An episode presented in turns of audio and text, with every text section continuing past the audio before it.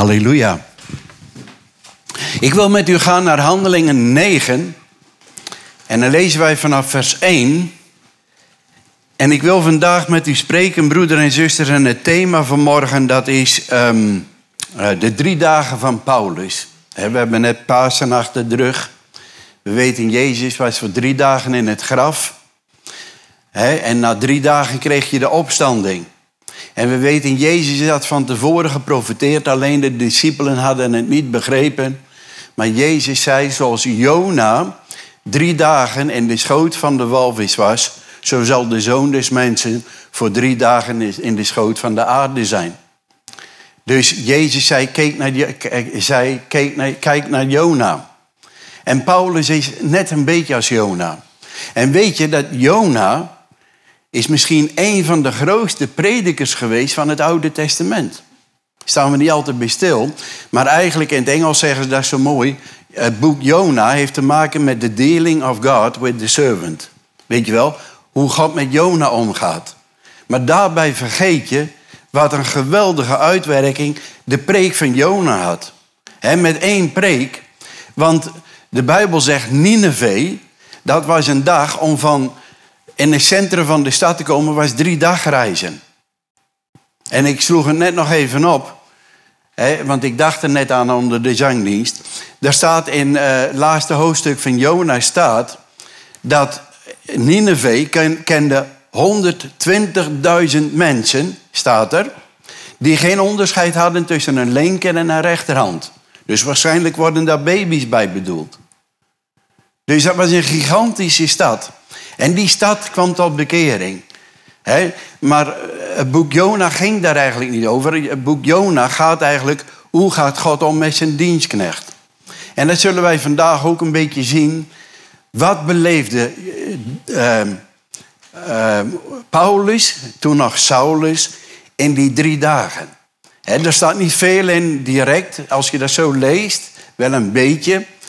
Maar als je toch het, leven van uh, Paulus kent, zijn brieven, zijn uitspraken, vaak wijst hij weer terug naar, die, naar dat moment van zijn bekering. En dan kom je toch wel achter wat een bijzondere uh, verandering dat in zijn leven heeft geweeggebracht. Zullen we eerst de Bijbel samen lezen? We lezen Handelingen 9 en dan lezen wij vanaf vers 1 tot en met vers 9. We lezen uit de nieuwe Bijbelvertaling. En we beginnen vers 1. Daar staat dus: Intussen bedreigde Saulus de leerlingen, de discipelen dus, van de Heer nog steeds met de dood.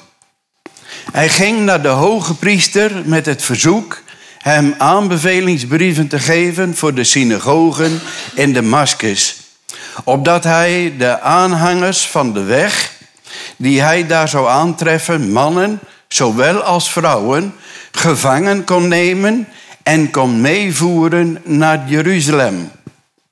Toen hij onderweg was en Damascus naderde, werd hij plotseling omstraald door een licht uit de hemel. Hij viel op de grond en hoorde een stem tegen hem zeggen: Saul, Saul, waarom vervolg je mij? Hij vroeg, wie bent u Heer? Het antwoord was, ik ben Jezus die jij vervolgt. Maar sta nu op en ga de stad in en daar zal je gezegd worden wat je moet doen. De mannen die met Saulus meereisden stonden sprakeloos. Zij hoorden de stem wel, maar zagen niemand. Saulus kwam overeind en hoewel hij zijn ogen open had, kon hij niets zien. Zijn metgezellen pakten hem bij de hand en brachten hem naar Damascus. Drie dagen lang bleef hij blind en at en dronk niet. Tot zover het woord van de Heer gelezen. Zullen we samen de Heer danken voor zijn woord? Hemelse Vader, we danken u voor uw woord. We danken u, Heer, voor de Heilige Geest. En wij bidden ook, Heer, als we samen uw woord openen en doornemen, Heer, dat u spreekt tot onze harten. Heer, dat wij gebouwd mogen worden in ons geloof. Dat wij u mogen kennen. Heer, dat wij uw stem zullen vernemen, ook vanmorgen vanuit uw woord.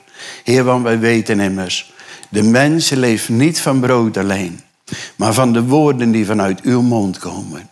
Want uw woord, Heer, dat is brood voor ons hart. Dat is brood voor onze ziel. Waardoor wij gebouwd worden, waardoor wij versterkt worden, waardoor wij bemoedigd worden, waardoor wij, heren, vertroost worden, genezen worden. Want u zond uw woord en u genazen, zegt de Bijbel.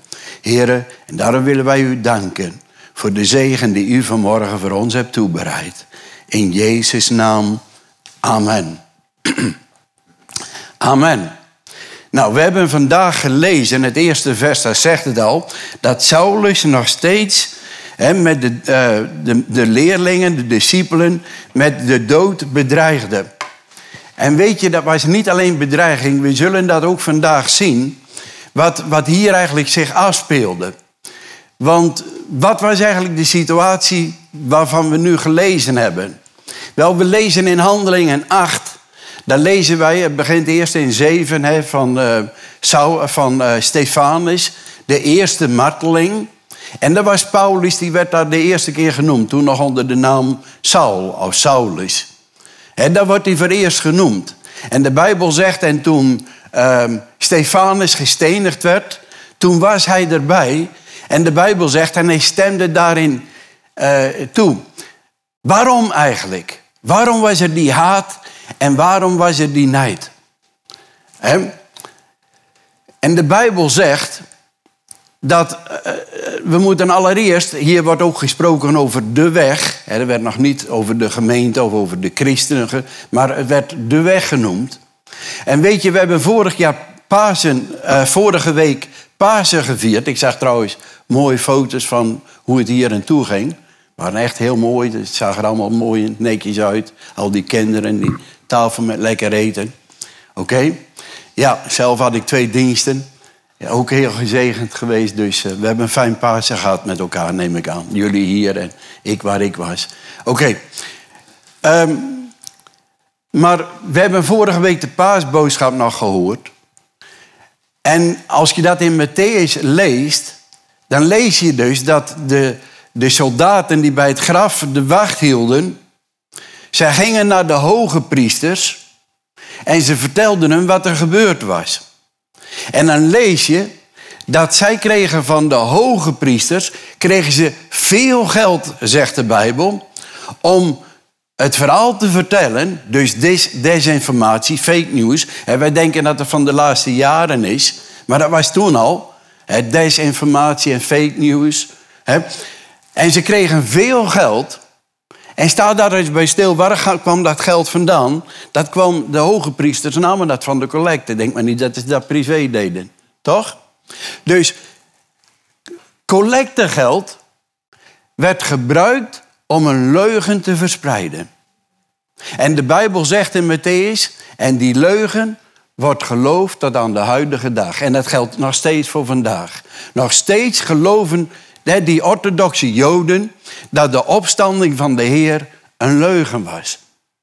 En weet je, en die leugen, zoals de Joden dat dus zagen, die verspreidde zich, want er was een van die schriftgeleerden of, of, priesters, die zei ook, de hele wereld loopt er achterna. Er was een geweldige opwekking in Jeruzalem. Oké? En, en de oversten van het volk en de uh, hoge priesters en de schriftgeleerden en de fariseeën, ze kwamen bijeen en ze zeiden, dit moet afgelopen zijn. En, en dan weten wij, dan, uh, dan worden de apostelen worden gevangen genomen. Nou, verschillende keren, als je boek Handelingen leest, dat is niet één keer, maar dat is meerdere keren gebeurd. Ze werden gegezeld. Er werd van alle soorten druk op en uitgevoerd. Uiteindelijk werd Stefanus werd, uh, gevangen genomen. En omdat hij getuigde, en de Bijbel zegt, en ze luisterden met knersende tanden naar hem. En op een gegeven moment, ze begonnen te schreeuwen, genoeg, we hebben genoeg gehoord. En ze stenigden hem. Stenigen, dat wil dus zeggen, ze gooien net zoveel stenen naar je toe, totdat je dood, dood bent. Dat is Paulus ook gebeurd. En Johannes, de apostel Johannes, die hebben ze zelfs in een pot met kokende olie gestopt. Echt, er waren martelingen. En weet je, Paulus die zegt in Handelingen 26 dat hij dat ook deed. Hij zegt in Handelingen 26, als hij praat over zijn verleden, hij zegt dat hij, uh, dat hij meerdere mensen, dat er meerdere mensen, niet alleen Stefanus, maar dat er meerdere mensen gedood zijn, gemarteld zijn. Onder straffen, zegt hij zelf, onder straffen te dwingen hun geloof af te zweren. Er waren martelingen. Daar, staat in Handelingen 8, vers 1 kun je dat lezen. In die tijd was daar een, een, zware vervolging. En de mensen vluchten Jeruzalem uit. We hebben vandaag gehoord over Oekraïne. De vluchtelingen die alles achter moeten laten. En die moesten rennen. En je leest in Handelingen 8, vers 1, lees je dat de christenen van Jeruzalem, waar een geweldige opwekking was, waar grote wonderen gebeurden. Hè? Maar de Bijbel zegt ze moesten vluchten vanuit Jeruzalem. En daar staat in Handelingen 8, vers 1. Maar weet je wat Handelingen 8, vers 4 zegt? En overal waar ze kwamen, predikten zij het evangelie. Ik heb vroeger gehoord, ik was toen nog een jonge jongen, maar dat is me altijd bijgebleven. En die bijbelleraar die zei het zo. Hij zegt, er was een vuur van opwekking in, in, uh, in Jeruzalem. En ze wilden het vuur doven. En wat hebben ze gedaan? Ze pakten een grote plank of een stok en ze gingen in dat vuur slaan. Hij zegt, maar wat gebeurde er? Die vonken die kwamen alle kanten op. En overal waar die vonken kwamen, daar ontstonden grote gemeentes. Als je bijvoorbeeld een groepje vluchtelingen, die gingen naar Antiochië. Dat lezen wij in Handelingen 11, lezen we dat. Dat een paar vluchtelingen kwamen naar Antiochië. Die begonnen daar de gemeente. En voor die tijd werd dat een supergemeente. Er wordt gezegd van rond de 15.000 leden. Voor die tijd. Hè. En we hebben nu uh, gemeentes van, van 8.500.000 leden. 850, hoe zeg ik dat? 800.000 leden, meer dan in Seoul. Je hebt een paar gemeentes in uh, uh, hoe heet het, Nigeria van uh, ook honderdduizenden leden. Ja, dus werd een, maar toen was 15.000, dat was een, een, hele grote gemeente. Dat werd later ook de thuisbasis van Paulus. Oké, maar de Bijbel zegt er was een grote vervolging.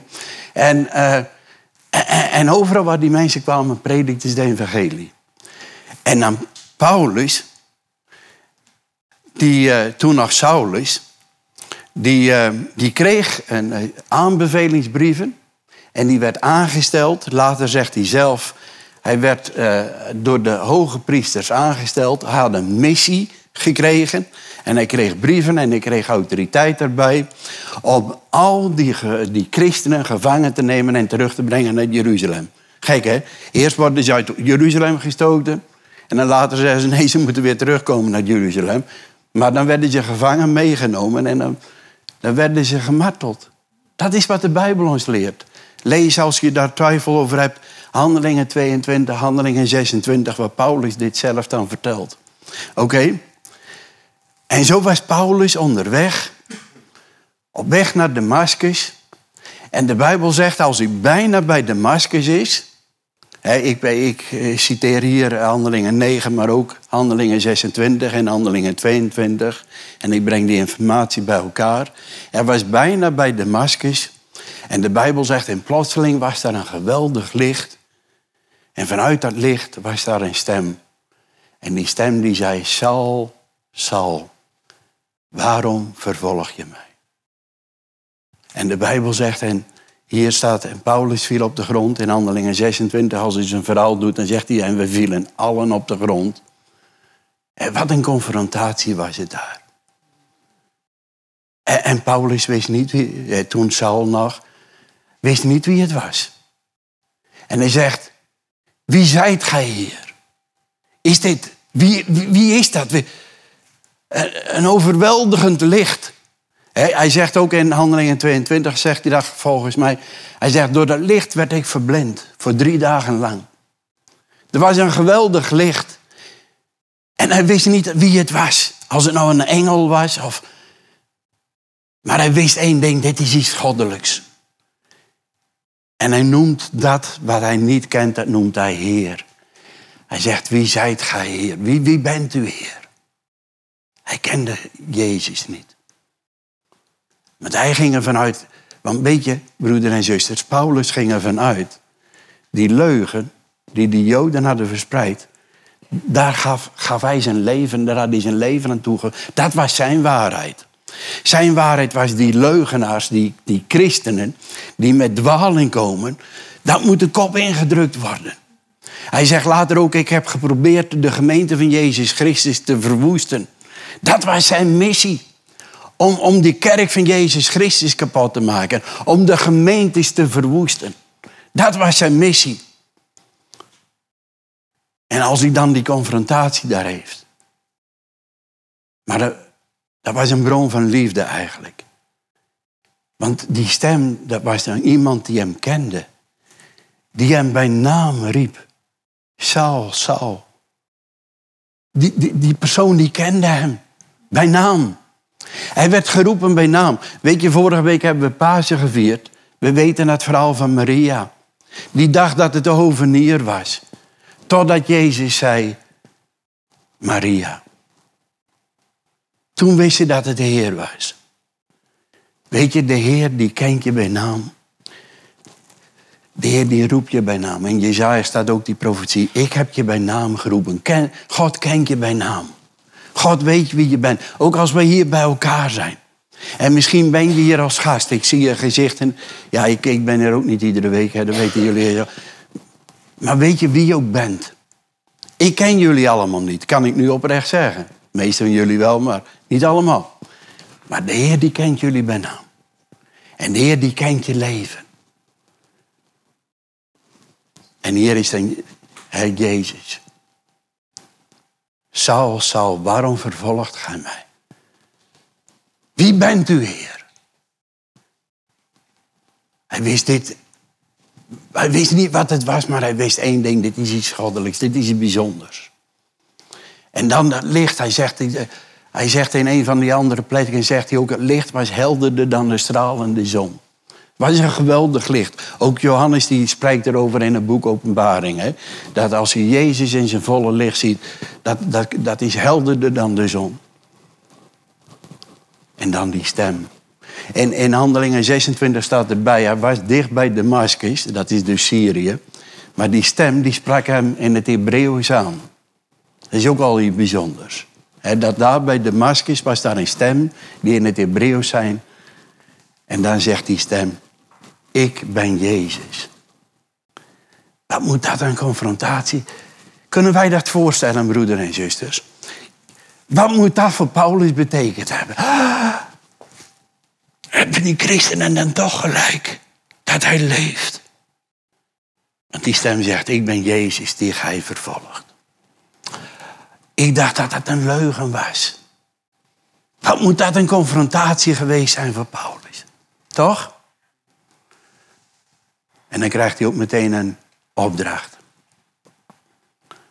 Weet je, ik heb verschillende punten. We gaan straks, wat heeft Paulus die drie dagen meegemaakt? En hij staat nergens duidelijk. Ik kan niet zeggen, dan moet je hier naartoe, dan kun je. Maar alleen als je Paulus een uitspraak. Ik ben het jaren ben ik aan verzamelen geweest. Het was zelfs zo, inmiddels heb ik een nieuwe computer. Ik moest gisteren eventjes naar een oude computer toe, want ik dacht ik heb bestanden. Over de drie dagen van Paulus heb ik ergens in een oude computer zitten, op een oude schijf. Zo ben ik al jaren daarmee bezig geweest. En ik heb het even weer opnieuw tevoorschijn gehaald. Wat heeft Paulus die drie dagen meegemaakt? Wat zegt hij zo hier en daar als hij zo spontaan wat uitspraken doet? Want broeder en zuster, één ding kan ik alvast verzeggen. Zeggen, dit was voor Paulus levensveranderend. Zijn leven werd helemaal op de kop gezet. Als hij later, en dat vind ik zo mooi zoals het in de NBG staat. Want Paulus is de schrijver van de Efezeboek. En in Efeze 4, vers 20, daar staat: Gij geheel anders. Gij hebt Christus leren kennen. En ik heb wel eens gezegd, gedacht, toen Paulus dat opschreef, misschien heeft hij toen even zijn pen neergelegd. En moest hij denken aan dat hij zelf Christus leerde kennen. Die ontmoeting. Want weet je, die, deze ontmoeting, wat hij ons zo en zo al zegt. Hier zie je dus, want Paulus die ging voor de wet. Hè, en de wet is, de, de wet is uh, genadeloos. De wet is dodelijk. De wet kent geen genade. De wet is de letter en de letter dood, zegt Paulus. Toch? En hij ontmoet hier een, een Jezus. Ook Jezus had met dat felle licht had die Paulus kunnen doden. Toch? Maar Jezus ontmoet, uh, Paulus ontmoette hier genade. Hij zegt ook in vele brieven, jullie kennen die teksten, naar de genade die God mij gegeven heeft. Paulus die zag het als genade dat hij geroepen werd. Als, als jij hier vandaag ook bent en misschien is er iemand, je hebt nog geen vrede van God. Ik durf vandaag te zeggen, het is genade dat je vandaag hier bent. En dat je het evangelie hoort vanuit de Bijbel. Want zoals Paulus geroepen oh misschien word je niet van je paard geslagen. Misschien zie je vandaag het felle licht niet. Maar zie je mij hier staan. Maar zie voorbij dat, maar zie het woord. Toch? Zie het woord. Want God is nog steeds een roepende God. Die mensen roept vanuit de duisternis in zijn wonderbaar licht. En wat een ontmoeting was dat voor Paulus. En de Bijbel zegt, en Paulus was blind. En zijn kameraden namen hem mee naar Damascus. Want die stem had ook gezegd, sta op, Paulus. En ga naar Damascus. En daar zal je gezegd worden wat je doen moet. Hij kreeg een nieuwe missie. Hij had één missie om naar Damascus te gaan. En dat was om de kerk daar te verwoesten. En om de christenen, de heiligen, zegt de Bijbel, om ze als gevangenen mee te nemen naar Jeruzalem. En daar zouden ze dan, hè, want Paulus zou dat christendom wel even afleren. Dat was zijn missie. Maar Jezus die zegt hem, ga naar Damascus. En daar zou je gezegd worden wat je doen moet. En de Bijbel zegt, en hij was blind en zijn kameraden. Hij was niet alleen, hij had zijn metgezellen bij hem. En ze brachten hem naar Damascus. En daar kwam hij terecht in het huis van een zekere Jood, Judas genaamd. En daar kwam hij en voor drie dagen was hij blind. Maar de Bijbel zegt die drie dagen, hij had niet, hij dronk niet. Hij nam een tijd van vasten. En weet je, net als, net als bij uh, Jona, die de vis inging op vlucht voor God. Maar later de vis weer uitkwam met een nieuwe missie. Toch? En net als Jezus, die als zondoffer het graf ingegaan is, maar opgestaan is als de verheerlijkte Heer. Zo is Paulus ook, is als verwoester, vervolger, is hij die drie dagen ingegaan maar drie dagen later kwam daar een nieuwe Paulus. Hij had ook een nieuwe naam. Hij eerst was hij Saul, hij kreeg een nieuwe naam, Paul. Saulus, dat betekent van de Heer gebeden. De heer, uh, uh, en net als Samuel. Misschien het SA, dat begint dat dat er al mee te maken heeft. Maar Paulus, dat betekent klein. Hij vernederde zich. Had een nieuwe missie. En die drie dagen, laten we ze op een rijtje zetten. Waar zou hij die drie dagen meegemaakt hebben? Allereerst die confrontatie al. Van het hateloze geweld van hem tegenover de genade die Jezus hem schonk. Want Jezus had hem ook kunnen doden, toch? En weet je wat ook zo mooi is? Jezus zegt niet, waarom vervolg jij mijn discipelen? Waarom vervolg jij mijn kerk? Maar Jezus zegt daar, waarom vervolgt gij mij? Weet je wat dat betekent, broeder en zusters? Wie aan de gemeente komt, die komt aan Jezus. En wie is die gemeente? Mag ik even een ander zien? Wie, is de, wie behoort tot die gemeente? Amen. Wie aan jou komt, komt in Jezus. Toch? Wie aan jou komt, komt in Jezus. En Jezus zegt, waarom vervolg je mij? En hier zie je dus die, die haat van Paulus. En weet je, broeder en zusters, we moeten niet vergeten, dat kwam voort vanuit oprechtheid. Hè? En dat is ook zo mooi, dat zegt de Bijbel, de oprechten zullen het licht opgaan. Maar bij Paulus ging ook wel licht aan, toch? Want Paulus was op. Ik geloof, God is een kenner van harten. Paulus die dacht dat hij God diende om de gemeente proberen te verwoesten. En weet je dat dat Jezus al van tevoren geprofiteerd heeft? Jezus had al gezegd tegen zijn discipelen: ze zullen je vervolgen en ze zullen je uit de synagoge verbannen en ze zullen denken dat ze daarmee God dienen. Jezus had dat al geprofiteerd. En Paulus was zo iemand die dacht dat hij God diende. En later zegt hij ook over de Joden. Hij zegt ze zijn vol ijver, maar zonder verstand. En zonder verstand, dat bedoelt hij zonder kennis en zonder inzicht. Dat bedoelt hij er eigenlijk te zeggen. Ze, zijn vol ijver, maar ze dienen God op de verkeerde manier. Waarom? Ze geloven in leugen. O broeder en zuster, ik, ik hoop dat jullie kunnen vatten wat, wat, wat, wat ik hierin zie. Ik kan dat niet onder woorden brengen. Wat een, als je gelooft in een leugen. En je komt er dan achter dat wat je geloofde, ook al ben je nog zo oprecht. Maar je komt erachter wat, dat, dat het een leugen was. Wat een confrontatie dat was.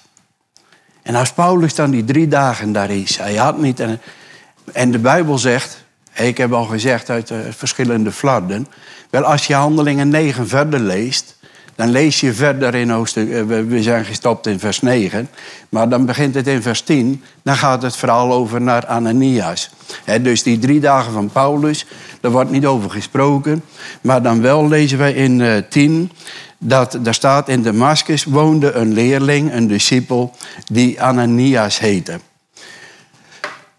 Mooi verzongen vanmorgen een lied. Laat het huis gevuld zijn met de wolk van Gods geest. Ananias betekent ook wolk van God.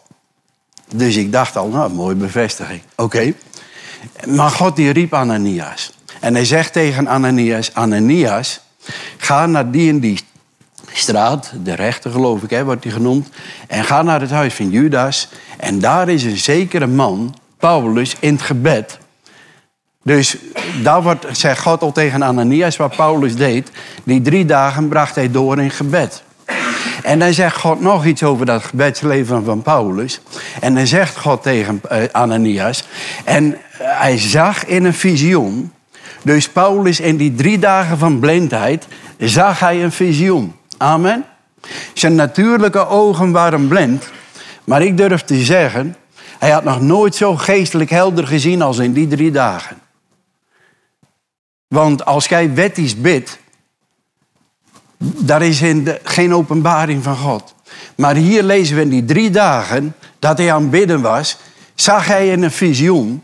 En dat visioen dat was zo haarscherp, want God zegt hier tegen Ananias, hij zag in een visioen dat er een man binnenkwam. En die man die heette Ananias, bij naam werd hij genoemd in dat visioen.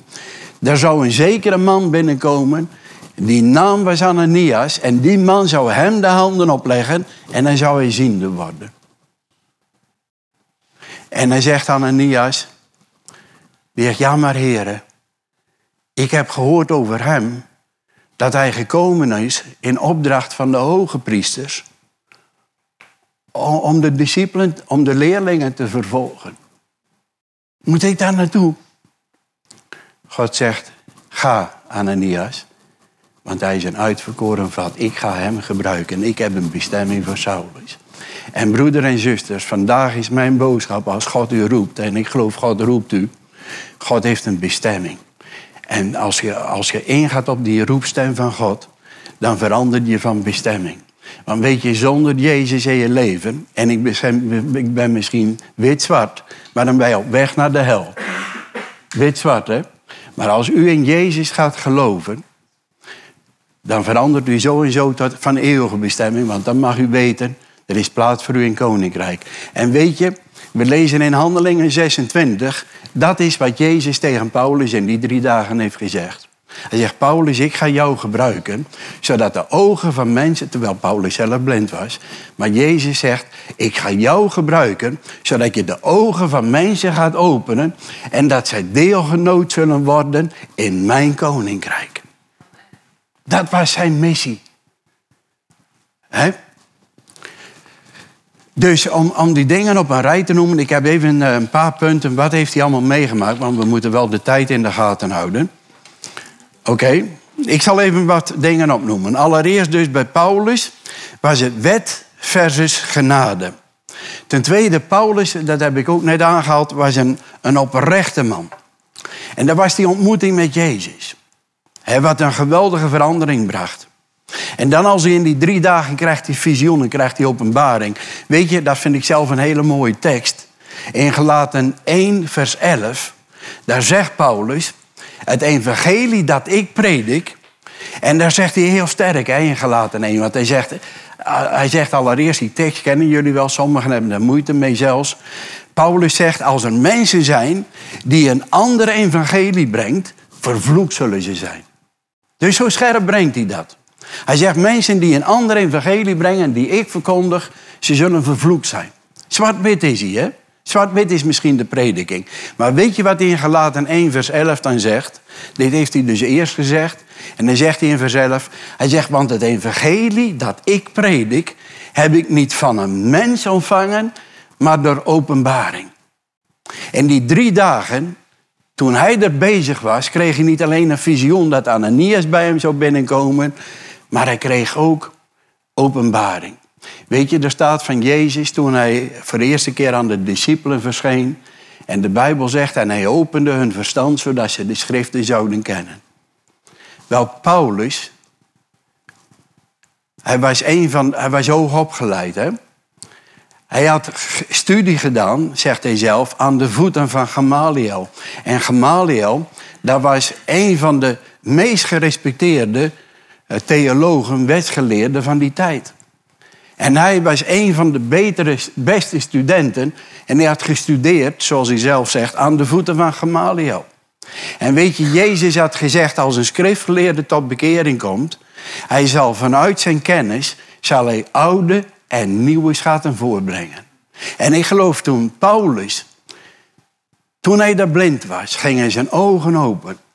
Want hij, hij, hij ging inzien dat Jezus leeft. Want hij had een persoonlijke ontmoeting met Jezus gehad. En ik geloof, toen gingen ook al die dingen vielen op een plek. En ik geloof dat was ook, want hij kreeg visioen, dus de Heilige Geest was een werk.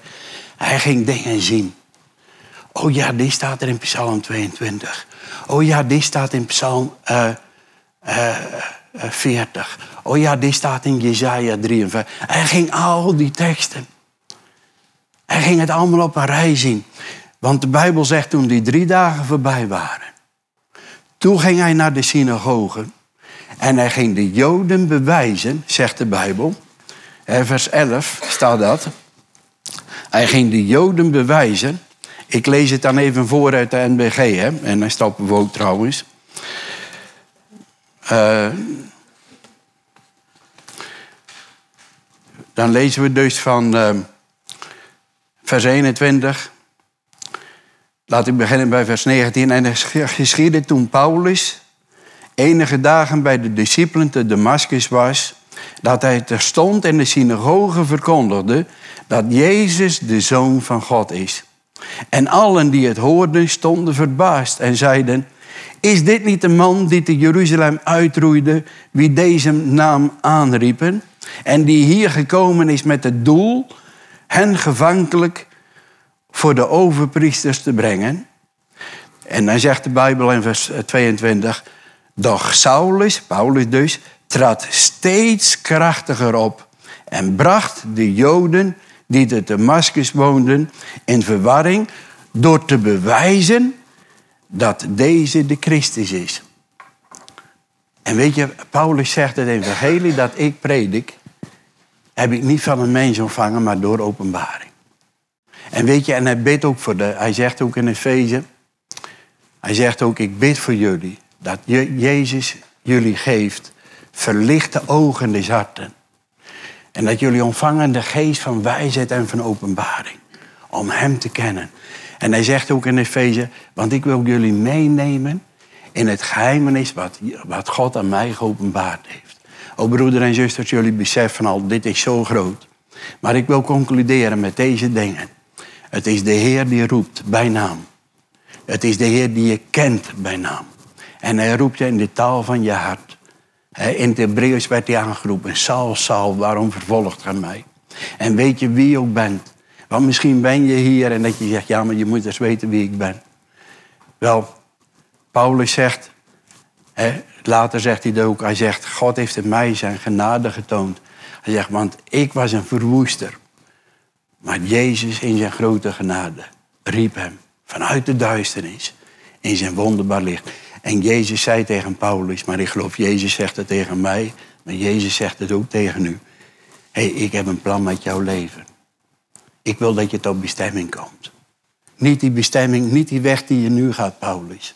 Ik heb een nieuwe weg voor jou. Ik heb een nieuw plan met jou. Ik ga jou gebruiken. Ik geloof, God heeft een plan. Ik weet het, hè? ook wat deze gemeente betreft. God heeft een plan.